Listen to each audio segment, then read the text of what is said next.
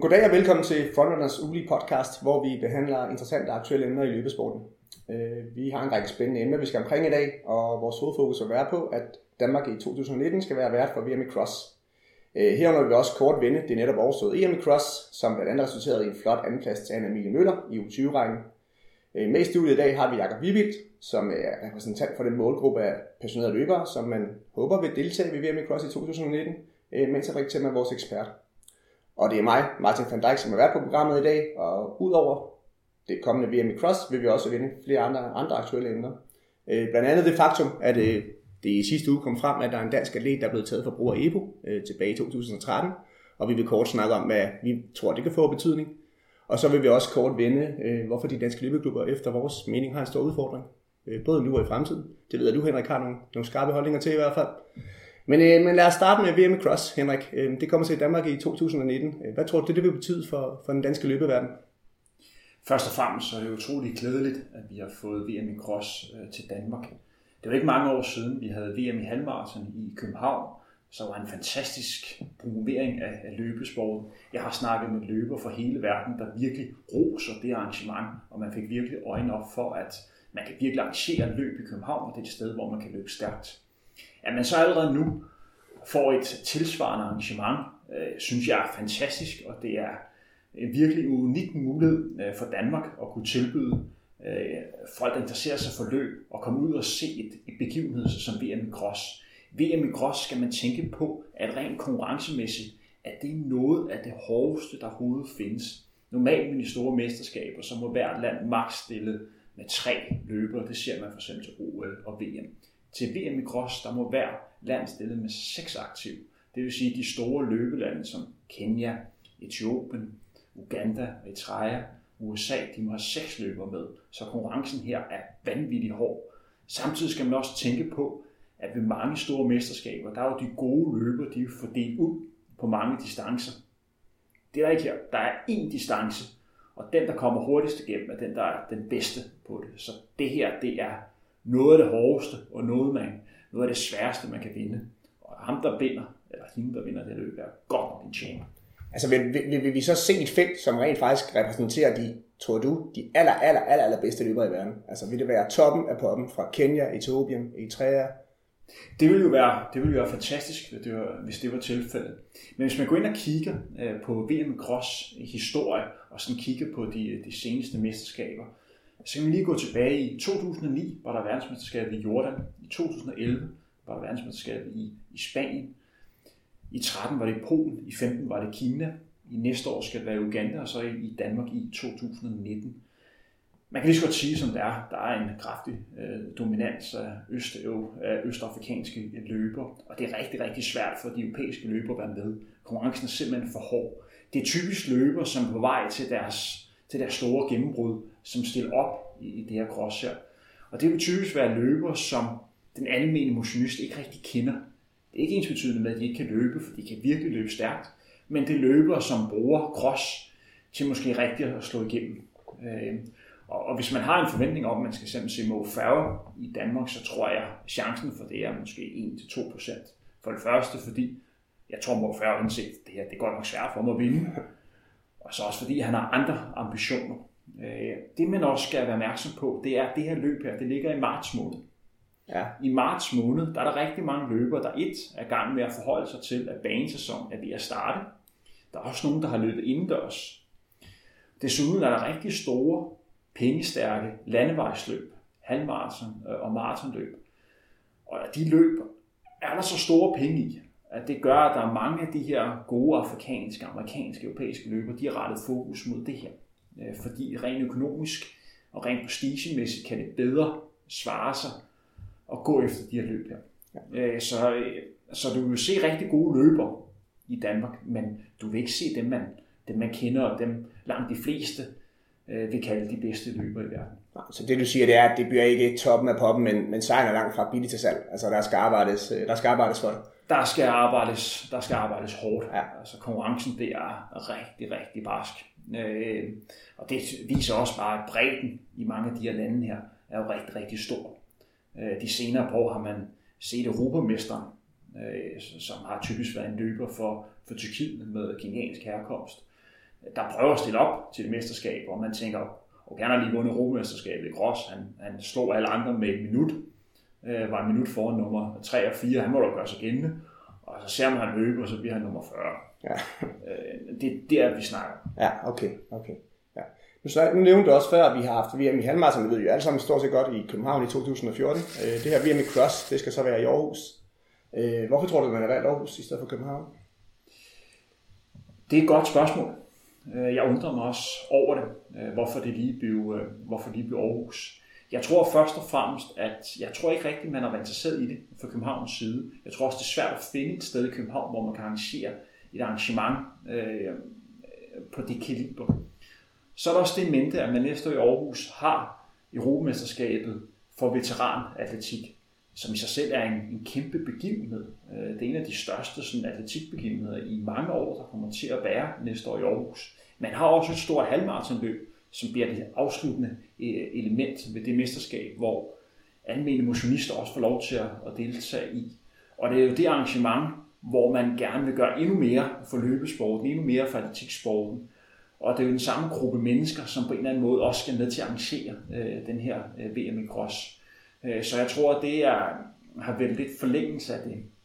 Øh, og så håber man, at man kan få, få lavet en, en folkefest derovre, jeg ved, man fra, fra dansk side har prøvet at øh, uh, solge den til et internationalt atletikforbund, dengang man skulle vælge, hvem der skulle have VM i cross, at man ville gerne for første gang, ligesom det var tilfældet i, i VM i halvmarathon, lave et mesterskab, hvor der også er mulighed for motionister at, stille til start.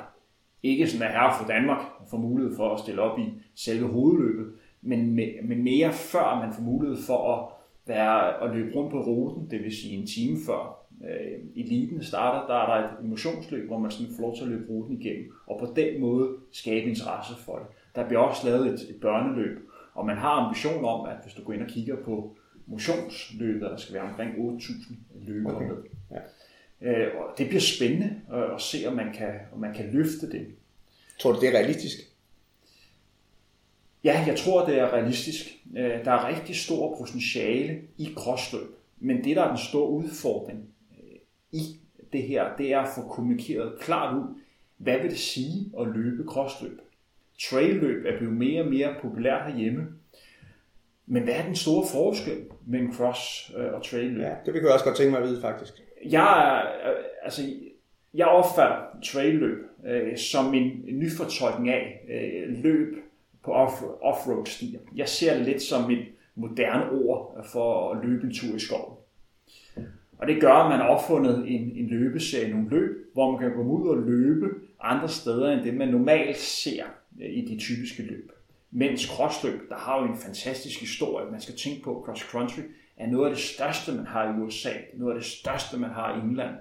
Og det er typisk, hvor man løber på en, på en rundstrækning på halvanden til to km, nogle gange er det også øh, kortere end det, hvor man løber på en stor græsplæne, og på den måde løber en rundstrækning flere gange. Ofte er der også øh, indlagt forhindringer, der kan være en masse mudder, øh, og der kan være nogle kunstige bakker, så man virkelig får den her store konkurrence, hvor man i trailløb mere har en rute, man, man løber igennem. Øh, så trail er noget, som man har opfundet senere på mens cross country har jo eksisteret i ja, 60, 70, 80 år. Øh, så man har, en, man har en udfordring med at få kommunikeret klart ud, hvad vil sige at være med i sin løb her. Og hvis den anvendte motionist tror, at nu skal jeg med i et løb, som er meget ekstremt, som er meget hårdt, så tror man forkert. Fordi ja. de her krossløb er ikke overlevelsesløb. Det er ikke mandehør, man skal ud og løbe. Nej, nej. Det er et løb, hvor man bliver udfordret på andre underlag, end man normalt vil gøre. Og det er også det med, at for mit tilfælde, som mig som eliteløber, hvis jeg deltog i verdensmesterskabet i cross, hvis jeg for eksempel kunne blive nummer 40, jeg ville jo være utrolig lykkelig, for det ville være en fantastisk præstation af, ja. af mig, og noget, måske noget af det bedste, jeg nogensinde har præsteret. Øh, men hvad vil det sige at være nummer 40 til VM i cross? Øh, og igen, hvad vil det sige for en motionsløber at blive nummer 144 i et løb? Den er svær at sælge, fordi du ikke har den der tidselement i det. Og det gør, at man har en udfordring at få kommunikeret ud, hvad vil det sige at være med i det her løb her? Øh, fordi jeg tror, at der er rigtig mange folk, der tror, okay, det er gråsløb, det skal ud og være noget ekstremt noget. Nej, det er det ikke. Øh, det er et løb, hvor man bliver udfordret på andre underlag, end man normalt plejer. Er cross så i sig selv er rigtig publikumsvenlig, fordi man kan se løberne flere gange, og, og nogle gange er der også nogle løber, som kan være med, som normalt ikke kan gøre sig gældende. Okay. Øh, og det gør det interessant, øh, fordi, at, øh, fordi man kan se nogle andre typer løber. Det kan fx være nogle løber, som er rigtig gode til at løbe i mudder, som lige pludselig kan være med, øh, fordi de har der store force der. Og der kan også være nogle løber, som har en, deres force på mellemdistancer, at der på en eller anden måde kan blive trukket med hele vejen igennem på en flad rute, og dermed være rigtig stærk i en afslutning. Så man kan godt se, at der er nogle andre løber, der kan gøre sig, der kan gøre sig gennem. Ja, ja. Nu snakker du sådan meget ud fra eliteperspektivet. Det kan jeg skulle inddrage Jakob lidt, tænker jeg, fordi Jakob, du er jo netop sådan den typiske passionerede motionsløber, som man gerne vil have til at løbe det her via cross. Ikke ja. selve hovedløbet, men løbet før, ikke? Ja. Hvad tænker du omkring det? Kunne du se dig selv stå på startstregen i 2019? Jamen altså, øh, for lige at summere op, øh, da jeg hørte om VM Cross første gang, øh, at det skulle komme til Aarhus her om et par år, øh, der tænkte jeg lidt det samme, som jeg tænkte dengang, at man annoncerede øh, VM Hall i København. Det var da fantastisk, og, og virkelig noget, der sådan ligesom tænder en, en gejst, men man kan så sige, at efterfølgende, der er sådan nogle ting, blandt andet noget af det, som Henrik Thiem her er inde på, øh, som, som lige får mig til at bremse op, fordi hvad er det, det her med, hvad er et crossløb egentlig? Ja. Øh, nu går der jo nogle år, øh, og jeg tror, der er en, altså man skal arbejde på at få, øh, få det formidlet, fordi det er jo en, øh, en formidlingsopgave simpelthen, at få fortalt folk, hvad det er, man, det handler om, så, så, så den deltagelse, man ønsker, enten fra aktiv eller fra tilskuersiden, at man ligesom får, at de ved, hvad de kommer til, at de ikke øh, kommer til et eller andet, og så er det det forkerte. Øh, og jeg har nok også tænkt lidt det samme, at, at trail og cross var det samme, ikke? Øh, øhm, og, øh, og det har noget at gøre med ja, de udfordringer, man bliver stillet på, på terræn og sådan nogle ting. Ja. Øh, der er jo nogle elementer af det, men, men der er også noget andet her, og det, er sådan, det skal man lige tænke over, men, men det, umiddelbart lyder det da, lyder det da spændende. Ja, sige. ja. Det man tænker på for Dansk Atletikforbund, som jo har budt ind på det her, det er, at hvis du går ind og kigger på løbekalenderen i dag, så har vi jo rigtig mange tilbud til motionsløberne igennem sommeren. Der er jo store løb, man kan løbe på landevejen. Der er også Ja. løb på, på banen. Men man har en udfordring, når vi begynder at blive lidt koldt fra oktober, november måned indtil marts, april, med rigtig holde fat i hele den der store motionsbølge. Ja. Og der kan man se, at hele den der trailbølge bare bliver større og større. Ja. Der er rigtig mange mennesker, som har interesse i at løbe den slags løb. Og der har man jo det store flagskib, øh, flagskib inden for, øh, inden for løbesporten, som hedder cross country. Og man vil jo rigtig gerne have folk fra den øh, pulje, der hedder trail, som primært bliver arrangeret af private foretagende. Det vil sige, at der er private mennesker, private, øh, nogle virksomheder, der sidder og tjener penge på det her. Ja. Der vil jo gerne have folk fra, fra den gruppe ind til crossløb, som typisk bliver arrangeret af klubber øh, og, og foreninger. Og det vil jo gerne bruge øh, VM i cross til simpelthen at få, få fat i de her mennesker og se crossløb. Det er virkelig fedt at løbe. Mm. Det er noget, hvor man kan udvikle sig som løber, og det er, det er powerfult. Øh, man kan komme ud virkelig og virkelig give en gas øh, på andre områder, end man kan øh, i løbet af hele sommerperioden. Ja. Og det er jo derfor, at man som forbund synes, det er interessant øh, at gå ind i. Okay. Og det er blandt andet også derfor, at jeg tror, at, at Danmark har fået det. Øh, Fordi at det skal ikke være nogen hemmelighed, at man har en udfordring øh, for øh, løbesporten i verden at få, få solgt det her arrangement ordentligt. Øh, Fordi at det er lidt det der afrikanske øh, dominans. Der er rigtig mange afrikanske løber, som gør sig gældende. Og det kan være svært at få solgt til mange løbelande, øh, få det arrangement ud, og så kan du se de bedste af de hjemlige løber blive nummer 60 eller nummer 70 Ja. eller nummer 90. Hvad er det, man sælger ved det? Og det er jo det, man gerne vil have solgt i Danmark. Øh, Det er, at man vil gerne have motionister med. Man vil gerne bruge VM som flagskib til at øge interessen for det, som man tror kan blive rigtig stort Ja. ved det. Jamen det giver jeg dig ret i, at man måske igen med baggrund i, i tidligere erfaringer har fundet ud af, at, at det er noget, der virker. Man kan trække et stort stævne til, og så kommer der noget opmærksomhed, og lige pludselig så, så kører øh, bølgen derudad. Og jeg vil også sige, at mange af mine kollegaer, jeg har ikke selv så aktiv, været så aktiv på, på trailløb, men det er da dem, der ligesom stille og roligt dropper det over, specielt her i, i efterårssæsonen, at det er dem, der måske øh, så vil tænke et cross, eller i dag allerede øh, crossløb, måske begynder at, at se dem som, jamen det kan vi da også gøre. Og så vil jeg også sige, at den der med, at for eksempel når du løber maraton, og det handler meget, eller mange gange handler det om at skulle sætte en PR eller 10 km, og hvor hurtigt kan jeg løbe på den, at det element kan der også være en, en fordel i at fjerne og sige, jamen nu er det mere den personlige udfordring, øh, at, man, at man løber i, i, i nogle omgivelser eller på et underlag, som, som, som udfordrer på en anden måde. Ja. Og, og, og, og når man har løbet øh, på tid, om jeg så må sige, eller efter personlige rekorder i nogle år, så kan man godt blive lidt træt oven i hovedet og, og, og, og bruge det her, også bruge det i, i, i den periode af, af året, hvor, hvor andre løb, som du også nævner, Henrik, er, er nedtonet lidt, jamen så brug det som et, et træningselement, hvor, hvor man i forvejen ligger i noget, noget hård grundtræning, jamen så, så har man de her øh, lidt anderledes udfordrende løb for at peppe det hele lidt op og, og gøre, at, at, øh, ja, at løbet ikke bare bliver så surt igennem den her periode, hvor, hvor man typisk skal ligge og kværne en masse kilometer og, og sådan nogle ting. Øh, så, ja, så, så det vil typisk være det, at du vil finde motivationen i crossløb, altså at sige, nu ser jeg simpelthen væk fra alt det her tidsperspektiv, og så prøver jeg noget andet. Jeg vil prøve noget nyt, ja, og udfordre mig selv på en anden måde.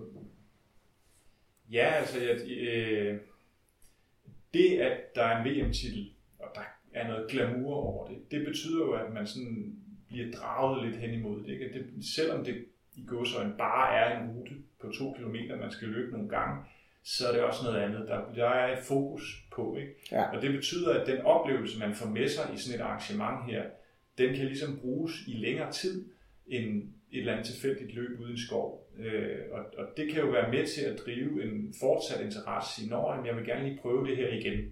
Øh, og det tror jeg, man har...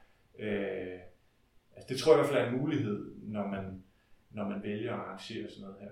Men jeg hører også, altså jeg, der er jo ikke ingen tvivl om, at, at der, er- der ligger noget arbejde for Dansk Atletikforbund, og hvem der vil arrangere det her, i at få kommunikeret ud til folk, hvad det er. Altså hvad er cross? Hvis, Ja. nu, hvis nu man skal fortælle historien, hvad skal man vide om cross? Altså hvem er de største helte? Hvad bør man vide, inden man ligesom kan tage kast med det her? Ja, som du nævner der, at man har virkelig en udfordring at få kommunikeret klart og tydeligt ud, hvad vil det sige at løbe crossløb? Hvorfor er det rigtig godt at inddrage crossløb i en del af det at være løber? Øh, Personligt er jeg kæmpe fan af crossløb. Jeg synes virkelig, det er noget, som der kan gøre, at jeg kan rykke mig som løber og træne op imod det og komme ud på underlag, øh, som ikke er en, en landevejsstrækning, komme ud og blive udfordret i bakker, øh, på græs, øh, på øh, mudder. Mm. Kom lidt væk op i hovedet, eller hvad med at tænke på de her kilometertider, men bare tænke på, nu skal jeg godt nok slå ham ved siden af, der løber. Nu skal jeg godt nok bare smadre igennem. Jeg kan virkelig mærke, at det er noget, som, som har rykket mig. Som sagt, øh, dit spørgsmål var, hvad man skal vide om crossløb. Hvem er, hvem er de store helte her? Man skal tænke på, at igen cross country er en kæmpe sportsgren. I England og i USA, altså hvis du ind og kigger på high school på en universiteter, der er det noget, som du kan ikke gå på en amerikansk universitet, uden at have muligheden for at kunne løbe det her. Ja. Så det er, det er vanvittigt stort. Nede i Sydeuropa, øh, Frankrig, Italien, Spanien, Portugal, der er også en kæmpe tradition i at løbe cross country. De har store, velfungerende løb, der tiltrækker masser af tilskuere, som synes, det er helt fantastisk at se løberne konkurrere øh, på en rundstrækning, hvor de kan se løberne flere gange. Mm. Og, og det, det har en, en virkelig fedt øh, publikumselement ja. i det. Hvis man går ind og kigger på de løber, øh, som har, har vundet det. Tidligere var det sådan, at man arrangerede VM i cross hver år. Og så havde man en distance om lørdagen, hvor man løb 4 km cross. Og så om søndagen havde man 12 km cross. Nu har man så sløjfet den korte, og nu har man så en distance, og det er så 10 eller 12 km, man løber på. Men tidligere var det sådan om, om, om lørdagen, hvor man så øh, løb, den, løb den korte. Nogle gange startede man også med, med den lange. Men det var, at der kunne man se mellemdistanceløberne. Der kunne man se dem, der løb 8 og 15 meter, mm. konkurrere mod dem, der løb øh, 5, 10 og maraton. De Ja. mødtes så på den her distance her. Og der kunne man få de der kæmpe slag med øh, de bedste løbere i verden, der lå og konkurrerede der. Mm. Og der har jo Paul Tergat, en kæmpe legende inden for løb, Haile Gebrselassie, Kenesi Bekele, en der er til Des, som har verdensrekord på, på halvmarathon. har jo ligget og gjort sig gældende der, så du har haft nogle, nogle kæmpe slag mm. i grås. Ja. Og en af de mest legendariske mesterskaber, vi har haft i, i gråsløb, øh, det har jo været, jeg tror det var i 2007 eller 2008, hvor vi havde øh, verdensmesterskabet i cross i Kenya.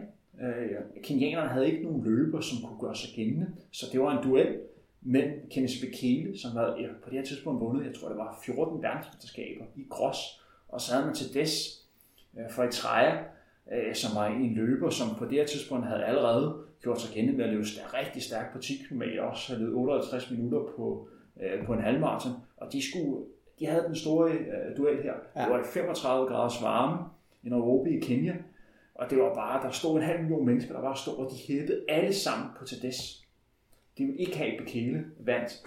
Alt tydede på, at Bekele ville vinde det her løb her. Men da der manglede halvanden kilometer, der kunne man bare se, at han begyndte øh, og begyndte at løbe langsomt og langsomt. Han havde simpelthen fået hedeslag. Og det forspring, han havde til Des, blev bare, øh, blev bare mindre og mindre.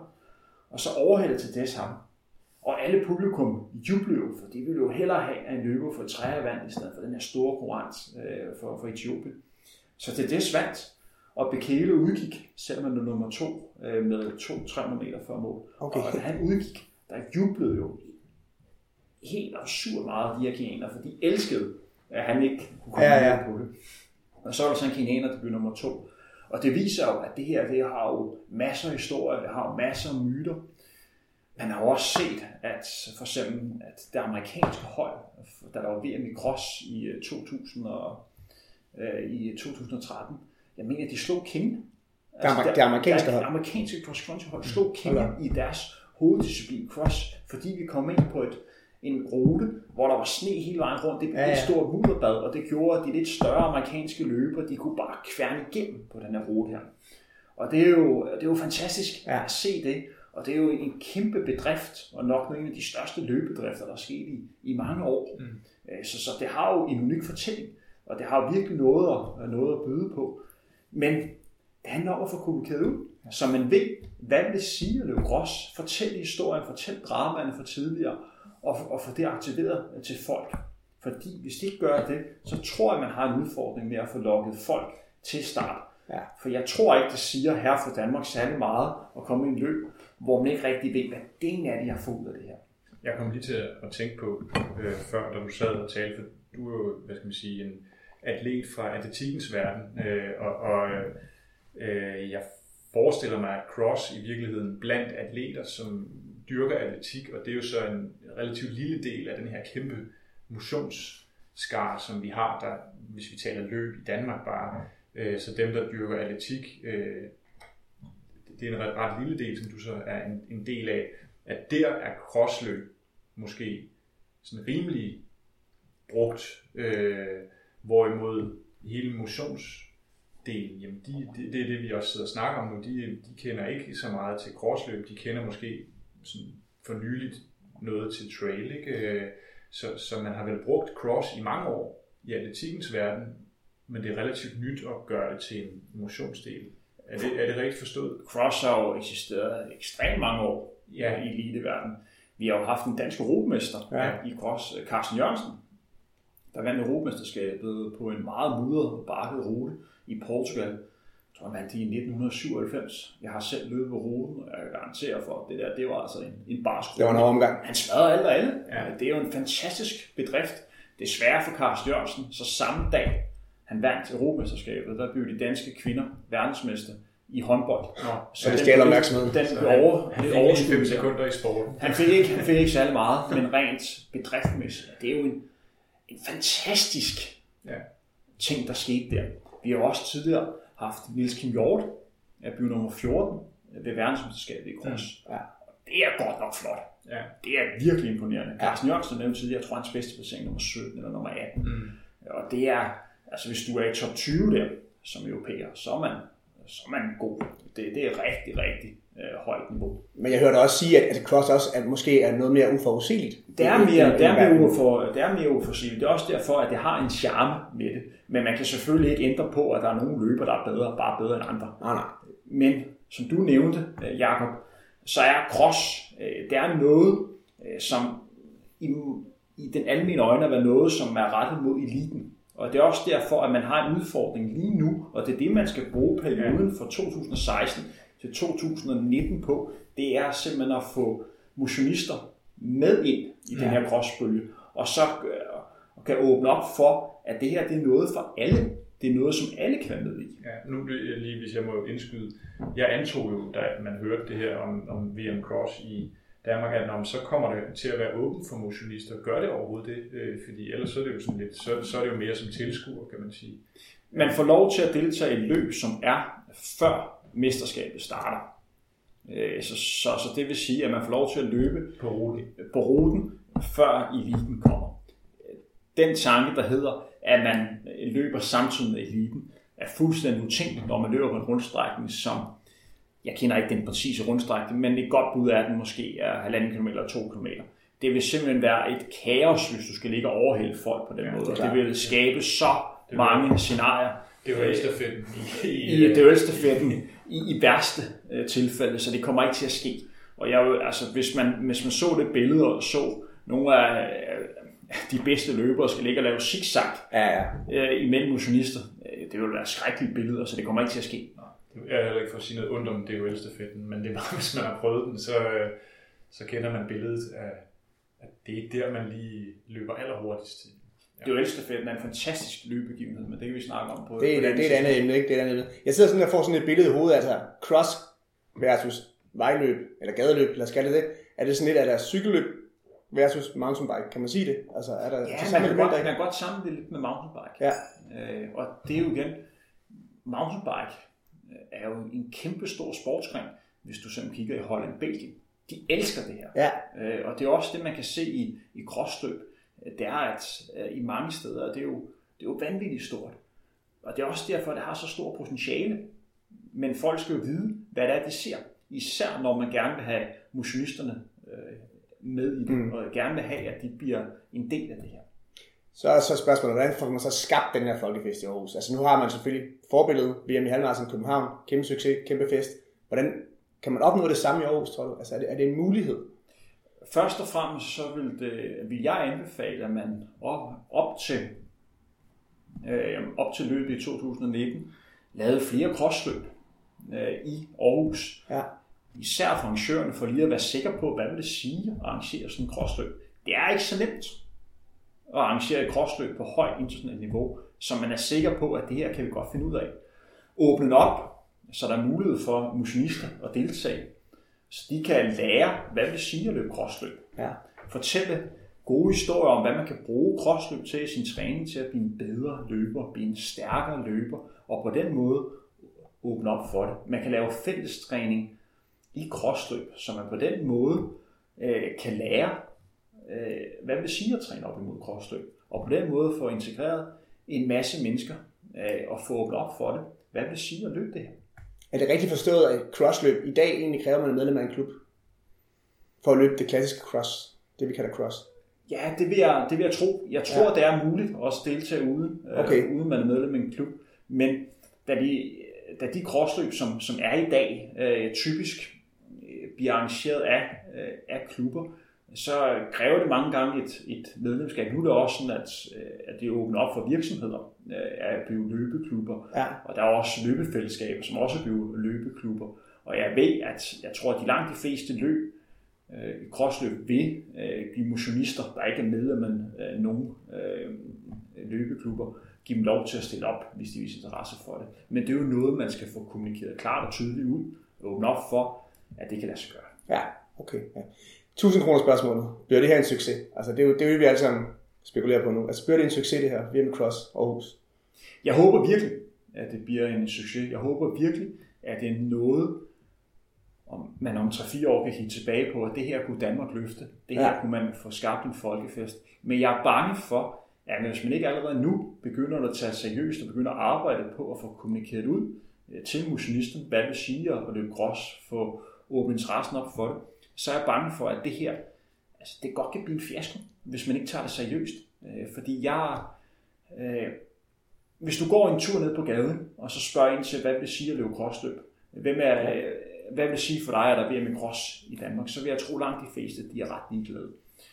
Også selvom det er folk, øh, som løber regelmæssigt. Og det er den interesse, man skal øh, få Ja, til. vi kan se, vi sidder jo her, altså Jakob, dig og mig, og, altså Jakob og mig er lidt i tvivl om, hvad cross egentlig er, ikke? og vi er så selv rimelig passionerede motionister, ikke? Øh, Så, så der er jo mange folk derude, som, som ikke har en idé om, hvad det her er for noget.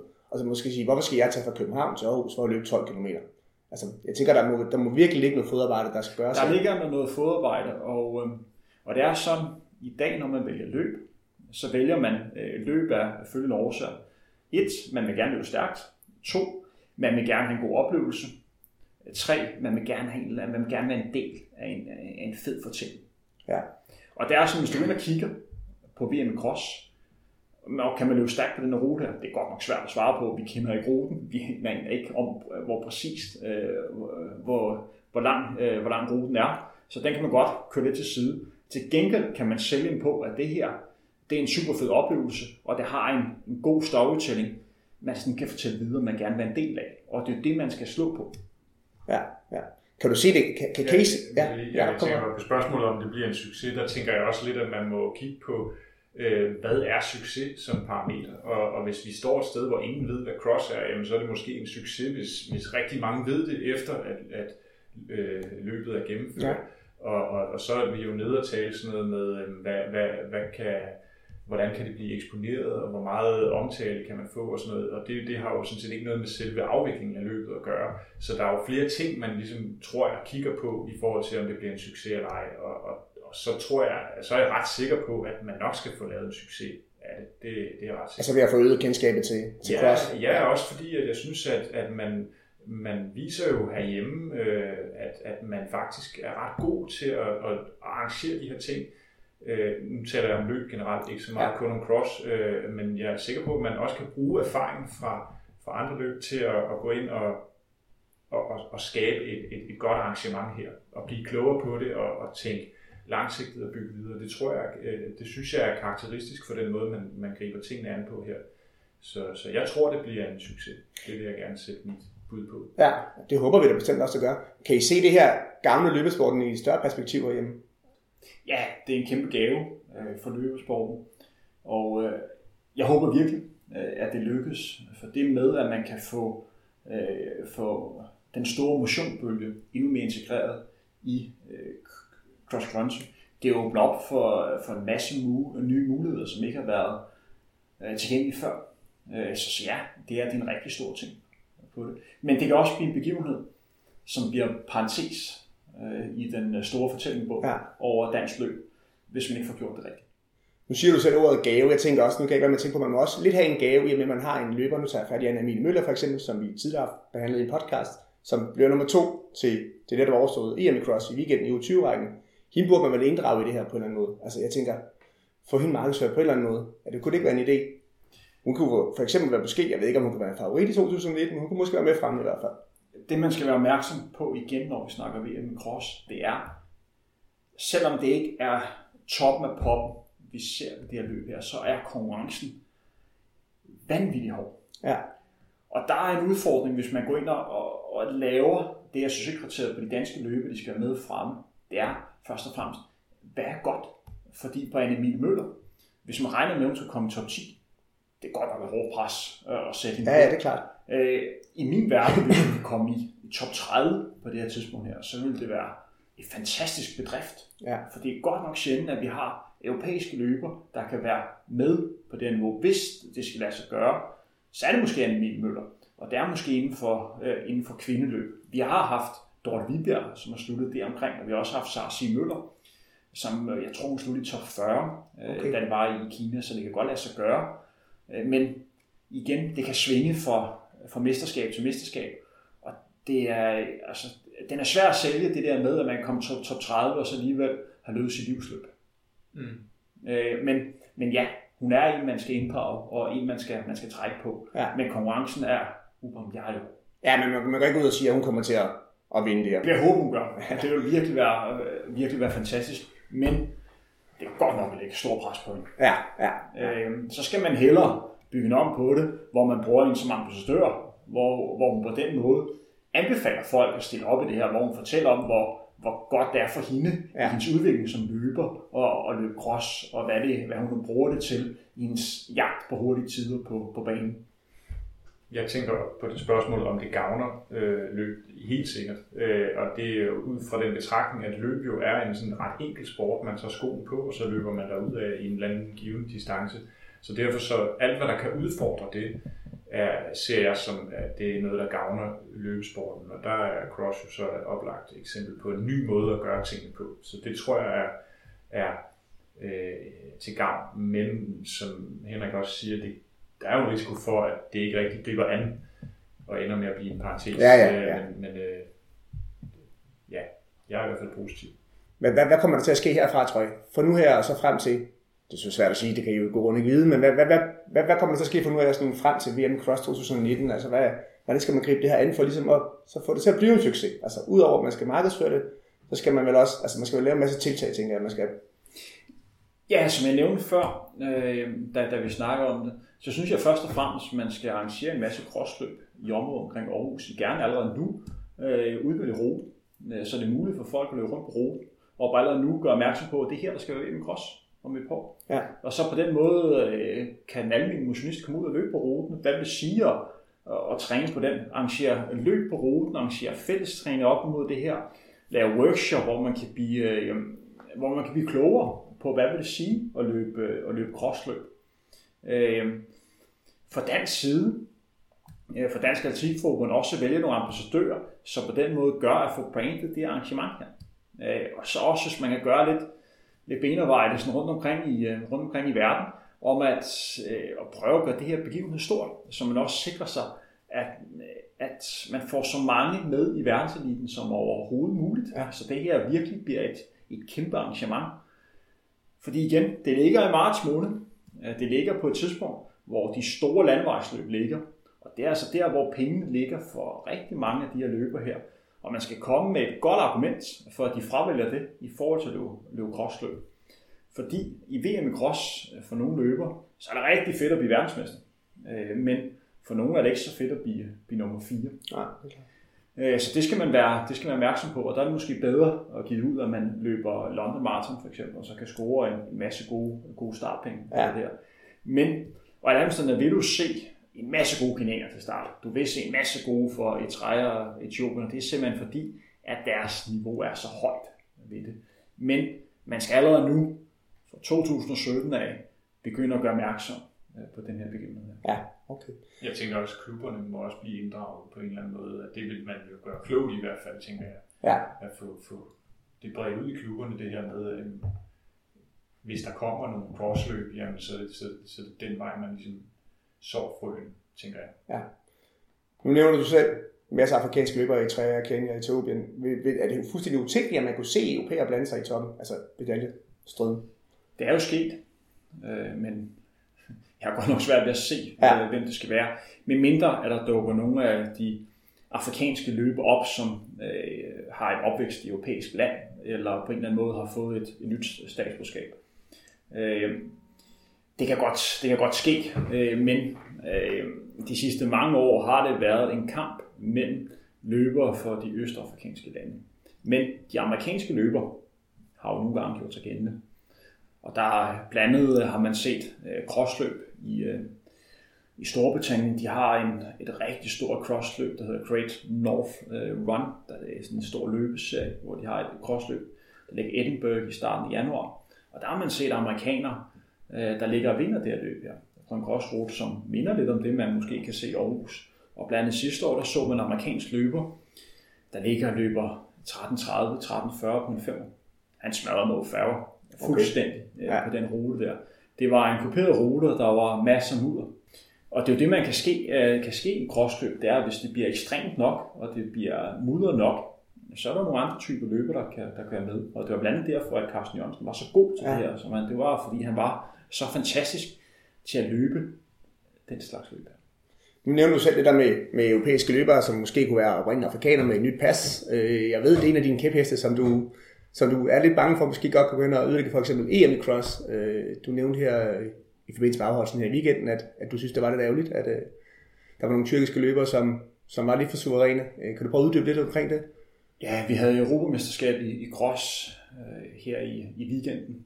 Øh, det var søndag den, den 11. Ja. Øh, december, og det var nede i, i Syditalien. I mange klasserne, øh, der kunne man se, at det var tyrkiske løber, øh, som vandt. Øh, tidligere kenianer, som nu havde fået stats, statsborgerskab øh, for Tyrkiet.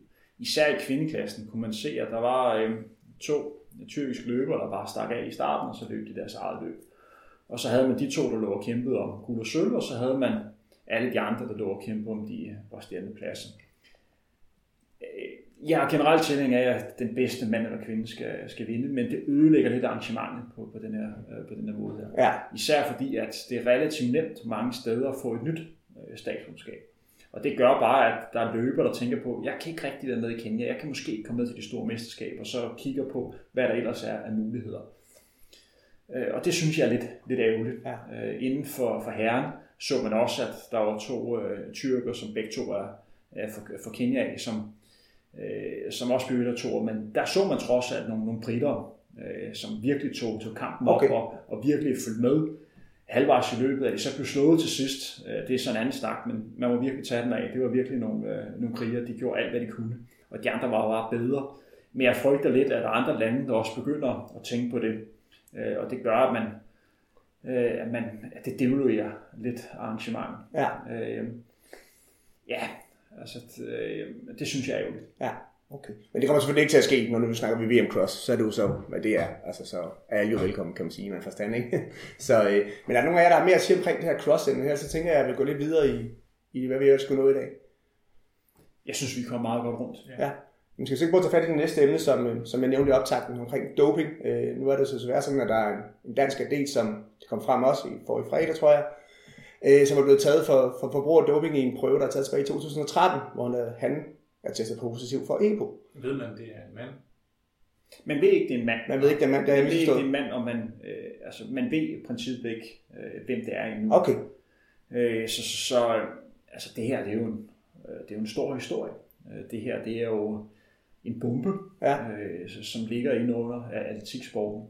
Man ved ikke så meget om det endnu, øh, og det bliver spændende at følge med i øh, hvad det her kommer til at betyde. Ja. Øh, altså, der er en, en, en dansk elev, øh, som har brugt EBO til at blive bedre, og det er første gang, i hvert fald det, som jeg kender til, at man har sådan en historie oppe øh, inden for, når vi snakker øh, eliteverden. Øh, og, det er jo, når ting sker for første gang, så er det jo altid nyt, ja. øh, og, og det, er, det er bekymrende. Hvad det så får konsekvenser, øh, det viser jo tydeligt, at der har jo været et, et problem, og måske stadig også er et problem, at den person, øh, hvad kan man sige, vi snakker om, øh, må man formode for at få slettet sine resultater, men fordi vi er så langt tilbage, tror jeg ikke, det får øh, andet betydning. Ja. Men det illustrerer, at der er et problem, og, øh, og et problem, man skal tage seriøst. Øh, fordi doping, det er det er snyd, og det skal simpelthen ikke accepteres. Ja. Øh, den bedste skal vinde, og skal vinde på, på færre vilkår. Men lad os se, hvad der sker. Øh, fordi lige nu er det navn, der står på en rapport, øh, hvor der står, at der er en dansk atlet, øh, som har taget og brugt EPO og afleveret en, en positiv prøve tilbage ja. i, i 2013. Og det er jo princippet det, man ved. Okay, ja, så må vi tage den derfra og se, hvad der sker. Det, det bliver spændende at følge med i, i hvert fald. Men det er noget, som man virkelig skal holde øje med, øh, fordi at øh, det er interessant. Der. Ja. Tror du, det er et større problem, hvad vi regner med? Jeg vil sige, at øh, mit kendskab øh, altså, til doping, øh, jeg har virkelig overvejet mange gange, øh, hvad man skulle gøre for at blive dopet. Ikke fordi jeg har, ikke fordi jeg har interesse i selv at tage doping, men jeg vil seriøst ikke vide, hvem jeg skulle ringe til, mm. eller hvem jeg skulle tage fat i, hvis jeg gerne vil være, være dopet. Jeg har ikke et eller andet nummer på min telefon, øh, som jeg kan ringe til, hvis jeg har interesse i. Så det er jo det første, jeg er sådan interesseret i, ja. at, sådan at få at vide, hvordan, hvordan gør man, hvordan gør man det her? Fordi jeg vil ikke vide det. Nej. Altså, og jeg har godt nok svært ved at se, blandt de løbere, jeg har været sammen med i det, det danske løbemiljø, eller danske atleter generelt, og udpege nogen, som kunne have taget doping. Jeg kender ikke til nogen. Jeg, altså, når jeg kigger rundt, så har folk virkelig trænet en vis længdel ud af buksen, og virkelig knoklet. Så jeg har svært ved at se, men jeg tror, at problemet er rigtig stort, når vi går lidt længere ned og kigger på, øh, kigger øh, på motionister. Øh, fordi, hvad er konsekvenserne for at blive taget? Øh, ja, de får, øh, de får lidt karantæne, og de får måske også en bøde, men Ja, ja. det er det. Og, og for nogen, der kan det bare være øh, en mulighed for lige at rykke sig på et kort tid. Og, og der tror jeg, at det er et problem. Ja. Øh, virkelig et stort problem. Nu færdes både du og jeg, Jacob, jo i motionistkredse i den grad, må man sige. Ja, jeg sidder, jeg sidder lige og, altså jeg, jeg er egentlig med på, at, og det er jo også derfor, man skal være rimelig hård i den her kamp mod doping, som så kan virke sådan lidt som en kamp mod vindmøller, men, men man skal være hård, fordi det spreder sig, og det kan sprede sig. Men jeg mener også, at man kan sige, det kan godt være den hjemlige atletik-elite, måske på baggrund af personlige relationer kan være svært at sige, hvem skulle, skulle det være der, men hvis du tager internationalt, så er jeg overbevist om, at det er meget udbredt, og det ser man jo også med, med, med Rusland, og der har jo i overvis været spekulationer om, hvorfor der er, ja, nu sidder jeg og kommer med nogle antydninger, men, men hvorfor der er så stor forskel på, på, på løber, ikke? Og, og der er nogle ting omkring, hvor, hvor, hvor, hvor let tilgængeligt det her er, og Mm. hvor meget der bliver gjort ud af at følge op og sådan nogle ting. Når det så er sagt, så, øh, Altså hvis man, hvis man skal leve af løb, og man ved at tage et bestemt stof kan forbedre sig 10%, og man i forvejen ligger og knokler røven ud af bukserne, så, så er det jo en virkelig, virkelig fristende ting for, for mange. Øh, og og Det det, tror jeg simpelthen, der er, huha, jeg tror det er langt tids arbejde at, at komme det her til livs, men det er noget lort. Øh, Bestemt. det er det. Øh, og, og hvis det spreder sig til motionist kredse, jamen der er det jo bare dumt. Altså, det synes jeg bare, det er... Det kan der nok ikke være to meninger om, tror jeg. At det er. Ja, men det, men, ja, men det, er, det er, men det er jo det der med, at man, man, man knokler for noget, ikke? Øh, Og man synes, man knokler, og så hvis belønningen ikke kommer, så ved jeg ikke, om det skrider på et eller andet tidspunkt. Øh, Men det er, et, at det er jo dårlig moral. At det, er, det er jo virkelig... øh, Det er det, det, det, det, det handler om. Det, det er jo lidt... Altså, det er på den anden side af loven, kan man sige. Vil du sige noget, Henrik? Ja, men der er jo ingen tvivl om, at doping desværre også er en del af øh, eliteverdenen. Jeg snakkede, da du spurgte om det før, der tog udgangspunkt i, hvad jeg kendte til i Danmark. Ja, ja. Men når man sådan kigger rundt i, i verden, er der ingen tvivl om, at det her det er jo et, et kæmpe problem. Og det er et problem, der bliver øh, taget meget seriøst øh, på det. Men det er bare hverdagen i dag. Og jeg, altså, hvis du går ind og kigger på det, så kan det være det, der øh, gør den store forskel. Øh, og i nogle miljøer, jeg tror jeg desværre bare, det er en del af hverdagen. Øh, og måske nogle løber, der ikke har så meget på spil, og nogle løber, der måske ikke er klar over, øh, at de tager noget. Øh, og det er, øh, det er en udfordring på det. Men en ting er, at... Altså, du tænker på, at de har en træner, der giver dem et kosttilskud eller et eller andet, og så, så ved de ikke, hvad der er i det? Eller, altså, hvis ikke Ja, de er klar over det? for eksempel, ja. okay. Altså, det, det tror jeg øh, sker flere steder, end du lige umiddelbart, øh, Ja, øh, lige umiddelbart tror. altså det er jo det var sådan, man gjorde i 70'erne i Østblokken. Der fik de bare en vitaminindsprøjtning, ikke? Øh, Men, men i dag der er det måske på en lidt anden måde, men ja. Øh, så, så der er ingen tvivl om, at altså, doping er et, øh, et, et stort problem. Altså, jeg vil også sige, at når jeg sidder og kigger rundt, øh, kigger på forskellige øh, altså løbebedrifter, så er der, nogle gange, hvor jeg undrer mig virkelig vildt over, at det her kan lade sig gøre. Ja. Hvor man kigger på folk, hvor man bare tænker, også hvis man er afsted på træningslejr, hvor man kigger, okay, du er altså lige trænet vanvittigt hårdt. Og så dagen efter, så vil du træne hårdt igen. Ja. Hvor jeg bare kigger på mig selv, og var totalt smadret. Hvordan kan det her lade sig gøre? Mm. Det kan bare være, at den her person er bedre end mig og restituerer hurtigere. Men man kan ikke lade være med at tænke den tanke. Det popper helt naturligt op. Og, det, og sådan er det bare. Hver gang der, der sker noget, noget unaturligt, så får man lidt den tanke. Øh, er folk dope? Det kan jeg virkelig ikke svare på. Men man får bare en, øh, en, en mistanke om det. Ja. Men jeg tror, at når man kigger på det øh, med danske briller, øh, så skal man virkelig være opmærksom på, at, at det er noget, der, der rører sig rundt omkring øh, i, øh, i løbeverdenen. Øh, også andre sportsgrene. Øh, og det er et problem, og det skal man, det skal man tage seriøst. Ja, men altså, man har jo hørt om cykelsporten, også på motionistniveau. Her for et par år siden var der en eller anden øh, formand for Dansk Cyklistforbund, der sådan blev taget af med noget et eller andet. Han havde sig, jeg tror nok, ikke? Ja, Før landevejsløbet eller sådan noget. hvor man tænker, hvorfor. Altså, men Så, så, så det er jo noget, der frister i, i, i, på, på, på niveauer, hvor man tænker, hvad, altså, hvorfor? det, det er nok svært at komme udenom, desværre, må man sige. At det er også et forholdsvis tungt emne, som vi sikkert sagtens kunne lave en, en længere udgave af. Øh, Og det er noget, som vi vil snakke løbende om. ja, ja, ja, Det bliver ja. vi nødt til at forholde os til. Desværre, det er en del af vores højt elskede sport, så det, det kan vi nok ikke helt negligere. Øh, Jeg vil godt tage det sidste emne, vi nævnte, vi skal omkring os, omkring øh, de løbeklubberne og de udfordringer, de står overfor nu, og, og, og især måske også i fremtiden. Jeg ved, du har noget omkring de her sociale løbeklubber, som, som er en kæmpe, kæmpe, kæmpe, kæmpe konkurrence i, og som er etablerede løbeklubber. Kan du prøve at uddybe, Henrik, hvad, hvad, hvad din bekymring går på? En af de ting, som er, som er mest markant øh, de senere, senere på år, er, at der blomstrer flere og flere løbe, undergrundsløbeklubber frem. Vi har Impo Running, vi har Mikela Running, vi har en løbeklub, Runners United. Runners United, vi har en, en løbeklub, som er i Aarhus, vi har en løbeklub, som er i Aalborg, og vi har flere og flere af de her øh, sociale løbeklubber, som mange gange udspringer for sociale netværk, Ja. øh, Facebook, Instagram. Og man kan bare se, at det tiltrækker flere og flere mennesker. Øh, for de traditionelle løbeklubber er det jo rigtig positivt, at der er flere, der får øjnene op for den sport, som vi alle elsker, og, og, og vi tre er en, en del af. Men der, hvor det er, det er bekymrende, det er, at der er mange af de her løbere her, som tidligere ville melde sig ind i, klubberne, de bliver nu fristet af de her undergrundsløbeklubber.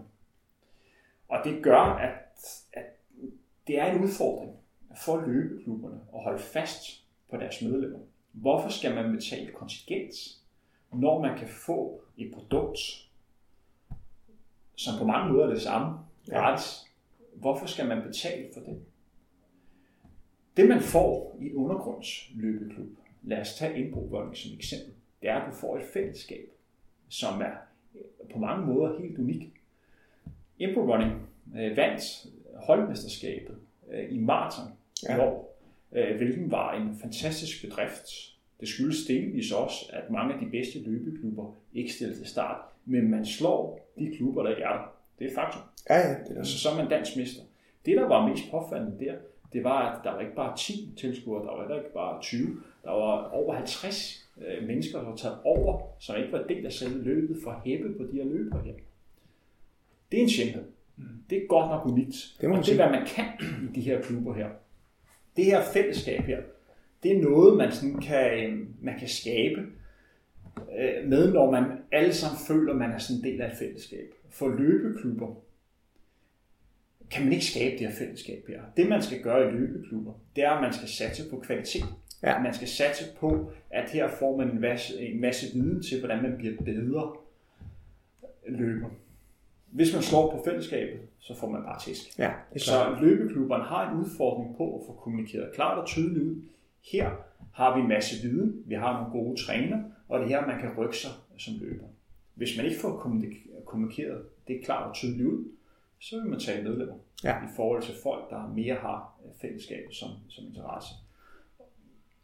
Så, så det er en udfordring øh, i forhold til det, og det er noget, der vil blive endnu mere markant de næste år, hvis løbeklubberne ikke begynder at tage, tage det her seriøst. Og hvad vil det så betyde, at folk, øh, at folk forsvinder der? Folk vil jo stadig være inden for løbeverdenen, men der er jo masse penge, som normalt går til klubarbejde, til at få arrangeret løb, øh, til at motionsafdelingen, til at få bygget en børneafdeling op til, til eliten. De forsvinder lidt. Det vil sige, at på sigt kan det ud over udviklingen ja. I dansk løb, fordi pengene ryger et andet sted hen. Man mister måske også nogle talenter i det her. Man mister også nogle talenter, det bliver lidt mere tilfældigt, ja. Hvad der kommer til at ske. Ja. Fordi mange af de her fællesskaber bliver det lidt mere fra dag til dag, hvad der kommer til at, hvad der kommer til at ske. Ja. Og det er en ting, man skal være, være opmærksom på. Så klubberne har en udfordring øh, for at kunne melde ud til medlemmerne, hvorfor er det, de skal betale øh, for at være en del af den her klub her. Jeg, jeg, vil altså jeg tænker lidt, øh, uden at vide så meget om det, men, men i virkeligheden øh, bare sådan lige set fra sidelinjen, at det kan jo også være en fordel for klubber, at, at der bliver etableret sådan nogle øh, løbefællesskaber rundt omkring, og på et eller andet tidspunkt, så i sådan et løbefællesskab, så bliver man så god, man begynder at tænke, ja, hvordan bliver jeg bedre? Og, og, og der kan man sige, at det sociale element kan jo bidrage til noget, motivation ikke mindst, men, men det kan godt være, at man så der overvejer, når det kan være, at jeg skulle melde mig ind i en klub. Men, og der, der må også gå noget den vej. Men hvis klubberne ikke er gode nok til at få kommunikeret ud, at det er et sted, hvor vi har de bedste træner, hvor vi har det, det bedste løbeprodukt, så vil jo folk ryge andre steder hen. Ja, ja, ja men det er så en, en kommunikationsudfordring for klubberne, og ikke så meget at gøre med, at der bliver lavet øh, Øh, løbefællesskaber rundt omkring. Tværtimod kan man sige, de, de burde, det burde jo gøre det nemmere at kommunikere ud i de her løbefællesskaber, fordi der er folk ligesom samlet af dem, der skulle starte en klub på et eller andet tidspunkt, tænker jeg. Jeg, jeg ved ikke, øh, jeg kan godt se, at selvfølgelig øh, kan det godt være, at man fra at have en klub, hvor man tænker mere på konkurrence og sådan nogle ting, til at have et, et socialt fællesskab og piller konkurrenceelementet ud, jamen, så er der nogen, som måske vil have joinet en klub, øh, som ikke kommer til det, fordi de har det egentlig fint med bare at, at hygge sig med løbet. Ikke? Jeg er bare bange for, at hvis der ikke sker udviklingerne øh, for de respektive klubber, og jeg er godt klar over, at der er mange klubber, der er rigtig velfungerende, men at vi inden for de næste par år, altså vi ser udviklingen om, at der, øh, at, at der vil komme færre og flere medlemmer ind i løbeklubberne, der vil komme flere og flere undergrundsløbeklubber op. Der vil komme, øh, komme flere og flere virksomheder, der begynder at bruge løbesporten til at brande sig selv. Vi begynder at se lidt mere professionelle tilstande af løbeklubber, som man kender lidt mere fra cykelsporten, og dermed ser en helt ny øh, verden i forhold til løb. Ja. ja. Øh, det, den udvikling tror jeg, at vi nærmer os i det. Om kan vi gøre noget ved det? Hmm. Den er svær. Fordi der er en, et arbejde med at, at fastholde, øh, fastholde medlemmer øh, i, i klubberne. Ja, altså det er nok svært at gøre noget ved, men det er jo mere, hvordan man forholder sig til, til udviklingen i virkeligheden, hvis det er den vej, det går. Ikke? Altså man kan ikke ændre på, du kan ikke som Sparta gå ud og sige, vi laver noget, der konkurrerer med Enbro, fordi vi, vi synes, at de tager for meget opmærksomhed. Det, det kan man jo ikke gøre så meget ved. Men Spar- du kan konstatere, at Enbro findes. Hvordan laver vi et samarbejde, så vi får trukket nogle gode løbere over til os. Ikke? Altså det, det, det, det er det, det handler om. Ja. Mm. Det her det er ikke en snak om, at man skal udvikle de bedst mulige løbere. Det er at snakke om, at man skal prøve at få så mange løbere ind i et løbefællesskab som muligt i en løbeklub. Alle løbeklubber har interesse i at have så mange medlemmer som muligt. Det burde man i hvert fald have. Ja. Spartas udfordring, ifølge mit synspunkt, det er at få kommunikeret klart og tydeligt ud. Det her får man ved at være medlem af Sparta. Det er det her, vi kan bidrage med. Ja, ja. Øh, og der er langt de fleste løbere vil jo gerne blive bedre øh, til at løbe. De vil jo gerne løbe hurtige tider. Og hvis man i Sparta kan få værktøjer til at blive det, så vil man rigtig gerne være medlem af det. Ja, nu, nu, nu nævner vi Sparta, det er jo bare et tilfældigt eksempel, fordi det er en stor dansk klub. Øh, der får jeg bare lyst til at sige, at en af de ting, der har fået mit løb i gang, det er jo Spartas søndagstræninger, som er sådan en gratis tilbud til folk, hvor de arrangerer en træning op til Copenhagen Marathon Øh, og nu er det så blevet udvidet til Copenhagen Half og sådan noget. Så der er hele året rundt fri træning. Ja, ja. Og, det, og det var jo, da vi startede med at komme der, det var jo 500 øh, mennesker, der dukkede op der øh, søndag formiddag kl. kl. halv 10, og stadigvæk gør, og nu er der endnu flere. Ikke? Så, så, så, så de har jo, hvad skal man sige, i min optik, været med til at starte den her, når jamen, det handler bare om at møde op et sted, have nogle nogle fartholder, og så går snakken, og jeg kender der mange fra de grupper, som jeg har løbet i, som efterfølgende så har etableret nogle andre mindre fællesskaber for sig selv. så, så det er sådan lidt et paradoks, at hvis man ser på det med de øjne, så, så har den her udvikling, som er sket blandt andet på grund af, at, at Spartas søndagstræninger har været med til at etablere små fællesskaber rundt omkring, øh, Forstår du, hvad jeg mener? Jeg forstår, hvad jeg mener. Det er en interessant øh, betragtning i det. Men mange af de her fællesskaber, altså hvis du ikke har en strategi, og hvis du ikke har en, en vision nedskrevet øh, jamen, politik om, at det er sådan her, vi gør i vores, øh, i vores fællesskab, så er det underlagt tilfældigheder. Og det vil sige, at interne stridigheder kan lige pludselig gøre, at, at det her det går to forskellige retninger. Og det, altså, hvis nogle af dem, der, der styrer et fællesskab, de lige pludselig kommer op og diskuterer, øh, og så kræver det ikke mere, at den ene person øh, siger, nu vil jeg gerne starte noget nyt, og så lige pludselig står man med to forskellige klubber. Ja, ja. Det mere kræves det på ikke. Og det gør bare, at man er underlagt øh, altså, masse tilfældigheder ved det. Mm. Og det synes jeg bare er en udfordring ved det. Øh, og det er også bekymrende for klubberne, øh, at man har problemer med at tiltrække øh, nye medlemmer. Ja, ja det, det er jeg enig, hvis det er tilfældet. Fordi når man tænker på, hvor mange der løber, så burde det faktisk være øh, golden days for, for klubberne. Ikke? Altså, der burde jo være massiv tilstrømning til klubber. Fordi, ja, hvad er der en million motionsløbere i Danmark eller sådan noget, og der er vel ikke en million medlemmer i klubberne rundt omkring. Men det, der, der er et kæmpe potentiale. Så det er i hvert fald en, øh, en spændende snak, og det er noget, som vi nok også skal snakke endnu mere om, og jeg har også regnet med, at vi skal lave en speciel udsendelse. Det tænker jeg også. som det emne her på, på Frontrunner. Men nu fik vi i hvert fald lige åbnet op for det. Fik vi taget hul på det, og der ligger helt, mere, helt sikkert mere i det, som, øh, som vi kommer til at vende på et senere tidspunkt. Men øh, er der nogen af jer, der har mere på hjertet omkring vores emner i dag, eller skal vi lukke ned og sige tak for, for den gang? Tak for i dag. Jamen tak for i dag så. Ja, tak for det.